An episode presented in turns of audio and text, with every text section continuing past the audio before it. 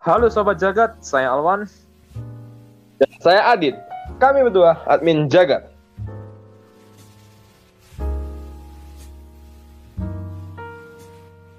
Ya, kira-kira hari ini kita mau bahas apa nih Adit? Sepertinya hari ini kita mau bahas ngapain sih Sobat Jagat perlu ikut lomba penalaran? Kan sebenarnya lomba-lomba itu banyak gitu. Tapi kenapa harus penalaran yang dipertanyakan gitu? Nah, bener banget tuh Sobat Jagat. Kenapa sih kok Sobat harus ikut lomba penalaran? Karena ya Sob, lomba penalaran itu nggak cuma tentang gimana sih cara kalian harus menang, cara gimana kalian harus uh, merumuskan sebuah ide, solusi dari suatu permasalahan, tapi banyak banget manfaatnya. Mungkin Kak Adit bisa jelasin tuh terlebih dahulu. Oke, Kak Alman. Jadi nih Sob, manfaat pertama itu Sobat bisa berpikir kritis. Pastinya kalau Sobat ikut lomba kan perlu ide. Nah, ide kan bisa datangnya dari permasalahan yang ada di lingkungan Sobat. Melalui lomba-lomba penalaran, Sobat akan terpacu untuk berpikir kritis. Bagaimana sih cara terbaik untuk menyelesaikan permasalahan yang ada? Mas. Jadi kita diajak untuk lebih berpikir lanjut gitu. Wah, mantap mantap. Iya tuh, betul banget kata Kak Adit. Misal nih sob ya, contohnya gini, sobat diam-diam merenung, kira-kira apa sih permasalahan yang ada di lingkungan sobat. Contohnya yang lagi ngetren sekarang ini tentang kesejahteraan ekonomi saat wabah COVID-19. Sobat akan berusaha mencari informasi-informasi terkait hal tersebut mungkin dari solusi yang sudah ada, kebijakan, peraturan yang telah diterapkan oleh pemerintah, sehingga sobat nanti bisa merumuskan what's the real problem yang terjadi di lapangan. Alhasil, sobat juga dapat ilmu baru, wawasan baru dari hasil kajian pustaka tersebut. Itu. Oke, benar banget ya. Melalui lomba penalaran juga sobat bisa terpacu untuk mencari informasi yang bisa saja di luar bidang sobat gitu.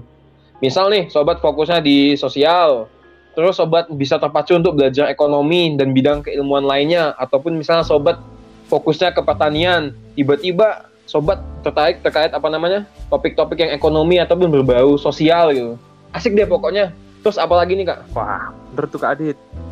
Selanjutnya itu melalui lomba-lomba penalaran, sobat bisa berlatih untuk berbicara dan menyampaikan pendapat atau istilahnya ya sobat itu melatih agar lebih percaya diri lah gitu apalagi nih misalnya kalau sobat latihan presentasi menyampaikan pendapat melalui tulisan itu biar lebih pede aja gitu sob apalagi nih ya sob kalau sobat juara di satu lomba pasti sobat bakalan ketagihan buat ikut lomba-lomba lainnya.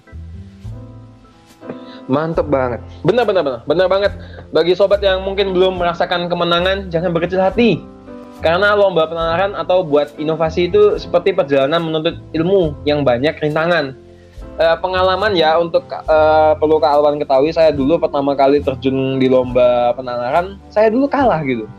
Tapi dari kalah itu sebenarnya point view-nya jadi membuat saya ketagihan, jadi membuat saya penasaran gitu. Mikirnya saya tidak saya kalah berarti saya tidak layak gitu. Tapi mikirnya saya kalah kenapa gitu saya harus menang berikutnya kalau ada kesempatan itu. Meskipun sobat nggak menang, setidaknya sobat itu bisa belajar gitu. Seperti saya dulu, saya nggak menang, tapi saya belajar gitu. Oh iya, dan lagi sob, kalau sobat ikut lomba penalaran, terus berkesempatan masuk ke final, sobat bakal ketemu tuh sama teman-teman baru dari universitas lain gitu. Jadi uh, tidak mesti uh, ketika kita mencari teman itu ya teman kita itu itu aja dari kampus-kampus itu itu aja dari kampus kita aja.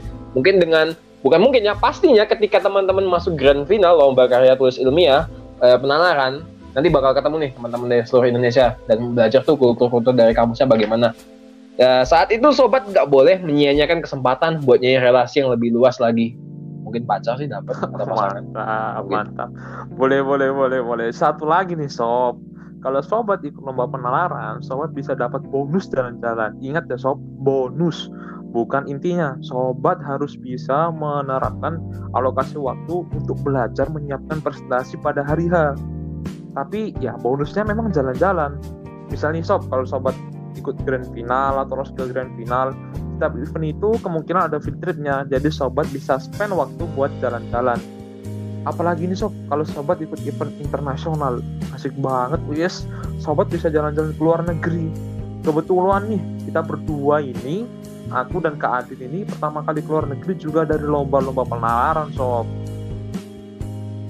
bener banget Kak Alwan gitu gak kebayang coba uh, uh, sebenarnya tuh menghayal ke luar negeri gitu, menghayal tiba-tiba ternyata jalan salah satu untuk luar negeri ya dengan lomba penalaran gitu. Jadi istilahnya itu peribahasanya sambil menyelam minum air gitu sobat jagat.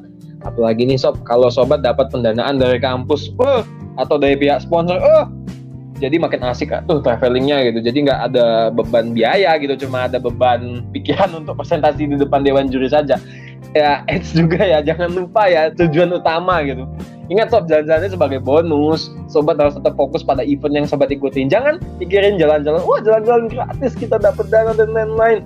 Tapi tujuan utamanya dilupain gitu. Malah sampai ke, misalnya kita ikut event luar negeri terus kita TKO gitu. Kalah gitu KO misalnya. Buruk-buruknya dapat yang kurang memuaskan gitu. Kalau bisa kalau keluar negeri target mainnya adalah gold mas. Kalau bisa special award kalau bisa Grand Prix jelas Grand Prix itu paling tinggi juara umum gitu. Mungkin seperti itu. Oh mantap. Bener-bener bener. Keren tuh bakalan. Kalau misalnya sobat berkesempatan jalan-jalan luar negeri jalurnya jalur lomba penalaran. Makanya sobat jaga yuk ikut lomba penalaran. Kami berdua ini selalu berusaha menyajikan info lomba penalaran terupdate setiap harinya. Kalau udah milih lombanya terus ngapain lagi nih kawan gitu? Kan banyak nih di apa namanya OA-nya jaket lomba nih, info lomba banyak banget gitu. Lomba lomba lomba lomba. Terus abis itu ngapain? Abis itu ngapain coba coba ya. ngapain? Berarti sobat udah ada niatan buat ikut lomba kalau gitu. Setelah sobat mencari informasi lomba yang sobat mau ikuti, selanjutnya sobat harus membentuk tim atau kelompok yang sesuai dan akan dilombakan atau yang akan mendampingi sobat ketika perlombaan tersebut. Karena kelompok ini bisa dibilang menentukan keberhasilan ke depannya sob. Oh berasa kayak di film-film gitu ya harus ada tim gitu. Dan tim atau kelompok gitu jadi melengkapi. Jadi tim ini atau kelompok ini dikasih misi ibaratnya gitu. Kalau kayak lomba-lomba ini kayak misinya harus gold harus juara satu gitu. Harus juara kalau nggak juara anda harus belajar lagi. Kira-kira kelompoknya harus gimana tuh kak? Wah, kalau itu stay tune aja sob. Ntar kami bakalan sharing kok gimana cara membentuk kelompok yang baik. Tungguin aja di podcast jagat selanjutnya. Oke sob, mungkin itu dari kami. Sekian, saya Alwan. Dan saya Adi. Assalamualaikum warahmatullahi wabarakatuh. See you next time.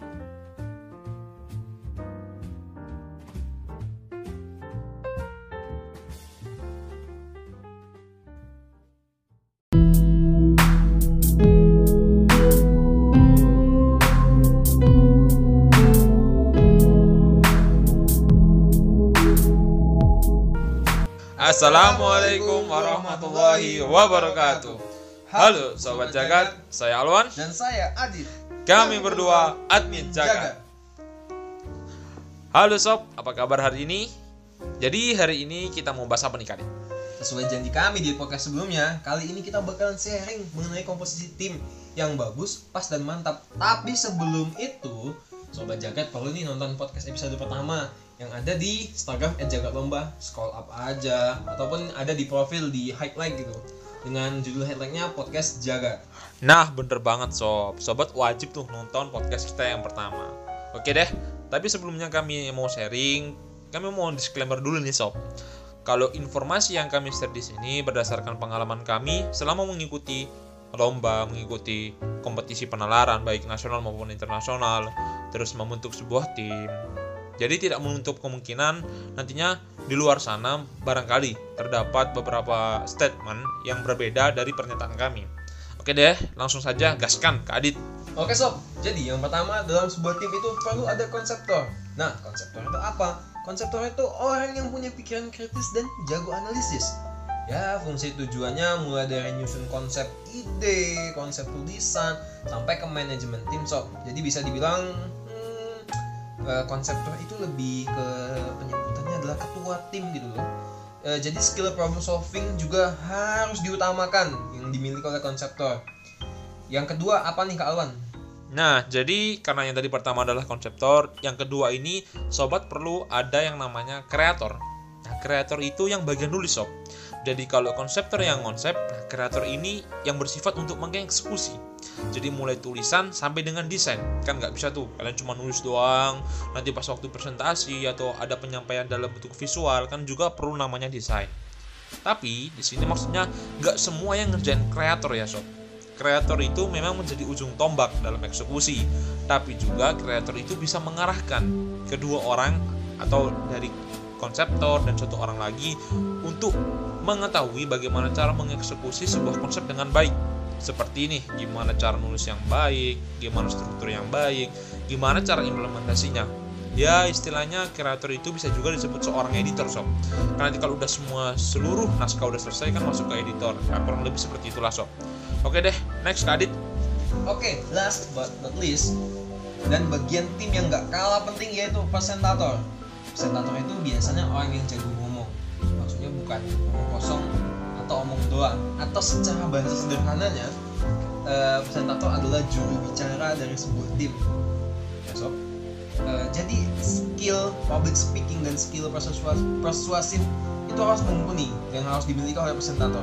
Bayangkan uh, teman-teman ketika membentuk tim tidak ada yang jago bicara ketika lomba finalis ditanya dewan juri kikuk cara menjawabnya gitu hanya jawab ala kadarnya dan biasa saja. Soalnya sob e, kalau sobat lolos final seperti kata saya tadi terus ada pameran atau oral presentation bisa jadi yang menjadi fondasi tim utama itu presentator.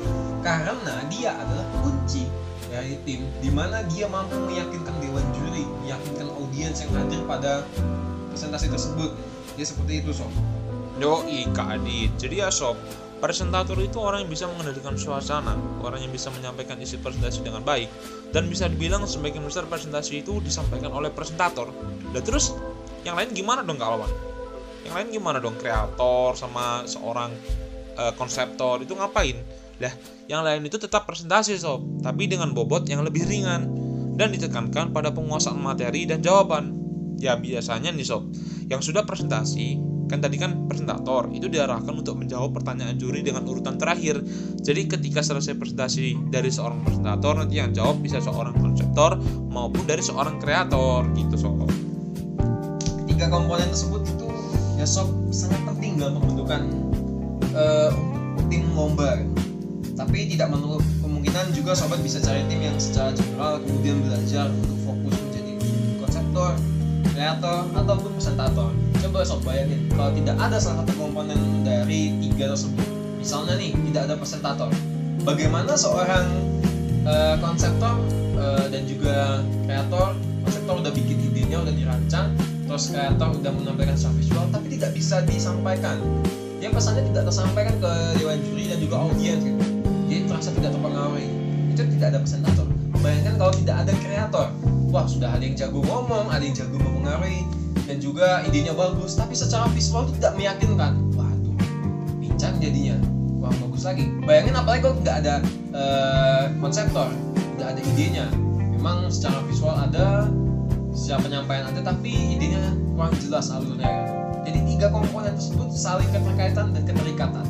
Oh mantap mantap mantap. Nama album aja itu iya siap siap Oke deh sob, nah, mau nambahin nih sob. Setelah sobat ketemu sama tim yang pas, lah sekarang saatnya sobat buat niat, ya buat niat nyari sob, nyari lomba yang bakal sobat ikutin.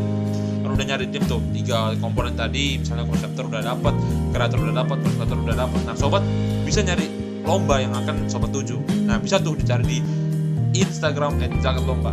Ya insya Allah lomba yang kami posting ini adalah lomba-lomba terupdate baik nasional maupun internasional. Ya oke deh sob, sekian dari kami. Untuk next podcast bakalan bahas mengenai macam-macam lomba nasional. Yos, stay tune di Jagat Lomba. See you next time and wassalamualaikum warahmatullahi wabarakatuh.